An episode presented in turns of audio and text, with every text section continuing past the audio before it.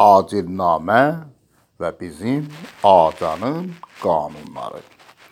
Əziz qonaqlar, bizə bayrama görüşə gələn dostlar.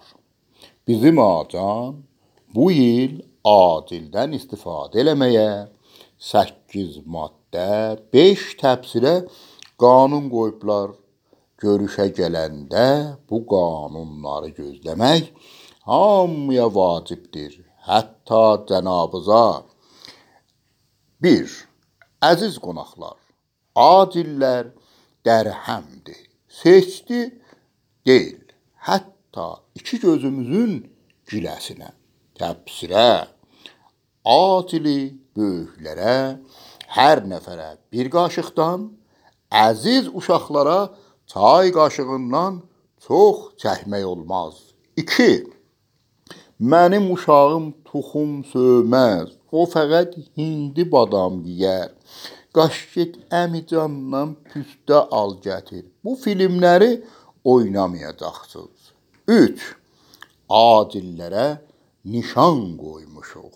Fəqət burada yeməkdən ötürdü. Çıxanda ciblərinizi, kiflərinizi, bütün dəlik deşiklərinizi leyzeri axtaracaq. Heç bəhanə qəbul olmayacaq. Bir dənə hindi badam götürmüşdüm, aparam bacıma göstərəm. İstirdim bu püstəni aparam evdə yadigarı əks salaq. Badam təbərrikdir, anama nisgil elədim. Dedim qoy qızım da girdəkan görsün. Bu sözlər mütləq qəbul olmayacaq. 4. Hər kəs yaxşı oğlan olsa, acilə əl uzatmasa, çıxanda özümüz bir dənə hindi badam ilə bir dənə püstəni imzalayıb xanəvadənin tərəfindən caizə verəcəyik. 5. Fəqət kot şalvarlı, kiravatlı, çox bakilas, ədəbli, mərifətli, əziz qonaqlar eləyə bilərlər acillərlə bir metrdən yadigarı əks salsınlar. 6. Acillərlə zırt hazırt əks salmaq qədəğandır, hətta sizə. 7.